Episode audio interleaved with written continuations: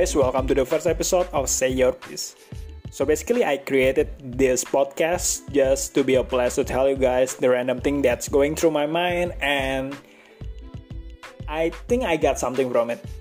So for the first episode, uh, I will tell you a story that one day I felt so stupid when I presented my work to my boss. He asked me a lot of questions that I couldn't even think a single thing, and my answer was only, I will try to find it after the meeting, boss. That's very classic, right? So when I try to evaluate why was it happen, I suddenly remember two great teacher when I was in junior high school. So the first one is the physics teacher. She was the type of the teacher that would make you excited to learn the subject. My physics teacher didn't just taught me what was the formula to get something, but also where did it come from. It was really helped me to know the fundamental concept of the formula. Although it took me longer to understand it, but the knowledge lasted longer in my mind. The understanding of the fundamental concept was also made it easier for me to connect one concept with another concept.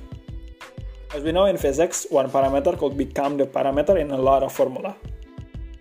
So the first point that I learned from my physics teacher is just to keep digging until we find the bottom of the concept.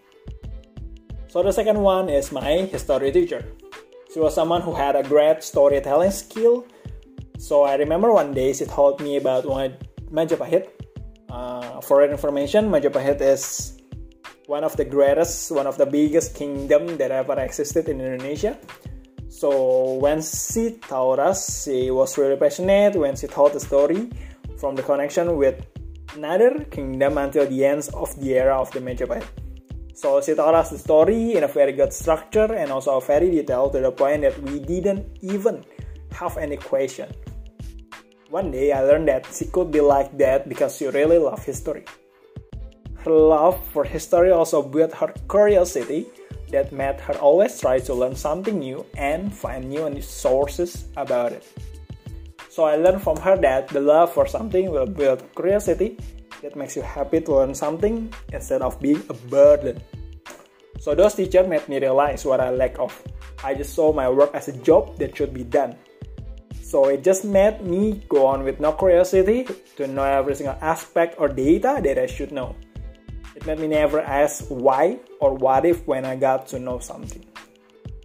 So, what we can learn from the today episode is always love what you are doing right now. So the love will grow your curiosity and automatically you will find the questions of the question that you need to answer.